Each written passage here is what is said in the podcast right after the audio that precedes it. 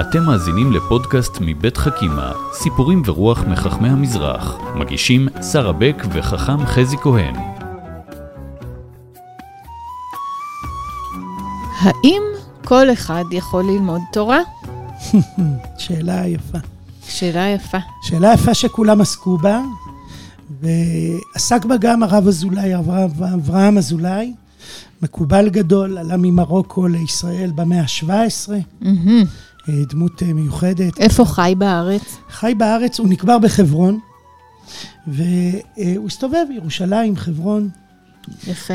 הוא דמות מאוד מיוחדת, כתב פירוש מאוד ארוך, שנקרא אהבה בתענוגים, ושם הוא מדבר על זה שהתורה דומה למראה. מעניין. כן, בדרך כלל, תורה כמו מים, תורה כמו... והוא מדבר על מראה, והוא אומר, משפט מאוד יפה, הוא אומר, כמו שמראה, כל מי שעומד מולה משתקף בה, ככה כשהאדם מתבונן בתורה כפי שכלו, מוצא בה את הפירוש המתאים לרוחו. זה בעצם 70 פנים לתורה. נכון, ואני חושב שהאמירה הזו, שעוד רגע נוסיף לה עוד אמירה שלו, שמשלימה את זה, אפשר לקרוא את זה קריאה מאוד אגרסיבית.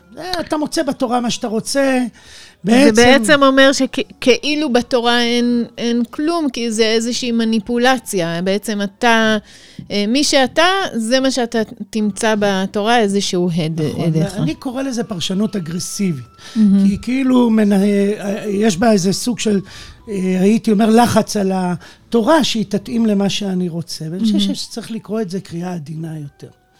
והיא אומרת שאדם מוצא בתורה נקודות שקשורות לעולם שלו. אדם שהוא אומן, יהיה לו מבט מעניין על התורה. אדם שהוא איש צבא, יסתכל על התורה בזווית הזו. אדם שהוא כלכלן, ימצא איזה נקודות אה, שמדברות בהקשר הזה. זה משהו הרבה יותר עדין, זה לא... כן. לא זה... סתם. הספריות שלנו מלאות בדרשנויות על התורה, כל אחד איש עסקים שעושה פירוש לפרשות השבוע, מוציא מזה טיפים לעסקים, נכון. ומשפטנים, ובאמת, ומוזיקאים וכולי, כלומר, באמת, התורה היא כל כך עשירה. מרובדת נכון. ונצחית. הוא, הוא אומר אפילו עוד משהו, הוא אומר שיש בתורה 60 ריבו פירושים, mm-hmm. כי כל נשמה ונשמה מפרשת את הפירוש שלה בתורה.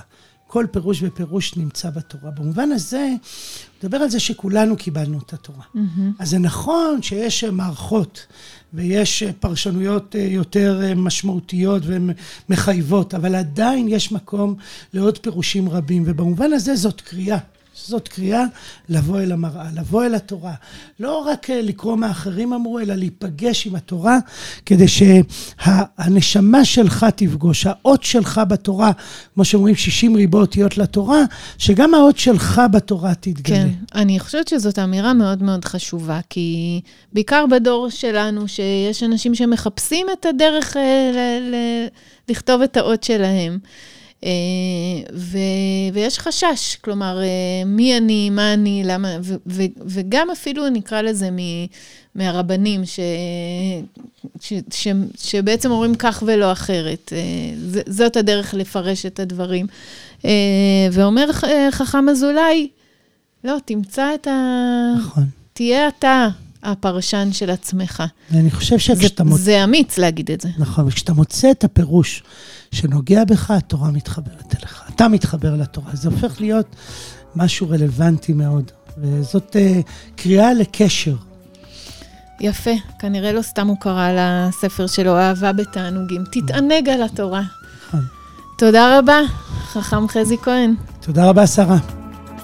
האזנתם לחכימה, סיפורים ורוח מחכמי המזרח. פודקאסטים נוספים תמצאו באתר חכימה מבית מטח, בתמיכת משרד החינוך, קרן אביחי ומשרד ירושלים ומורשת.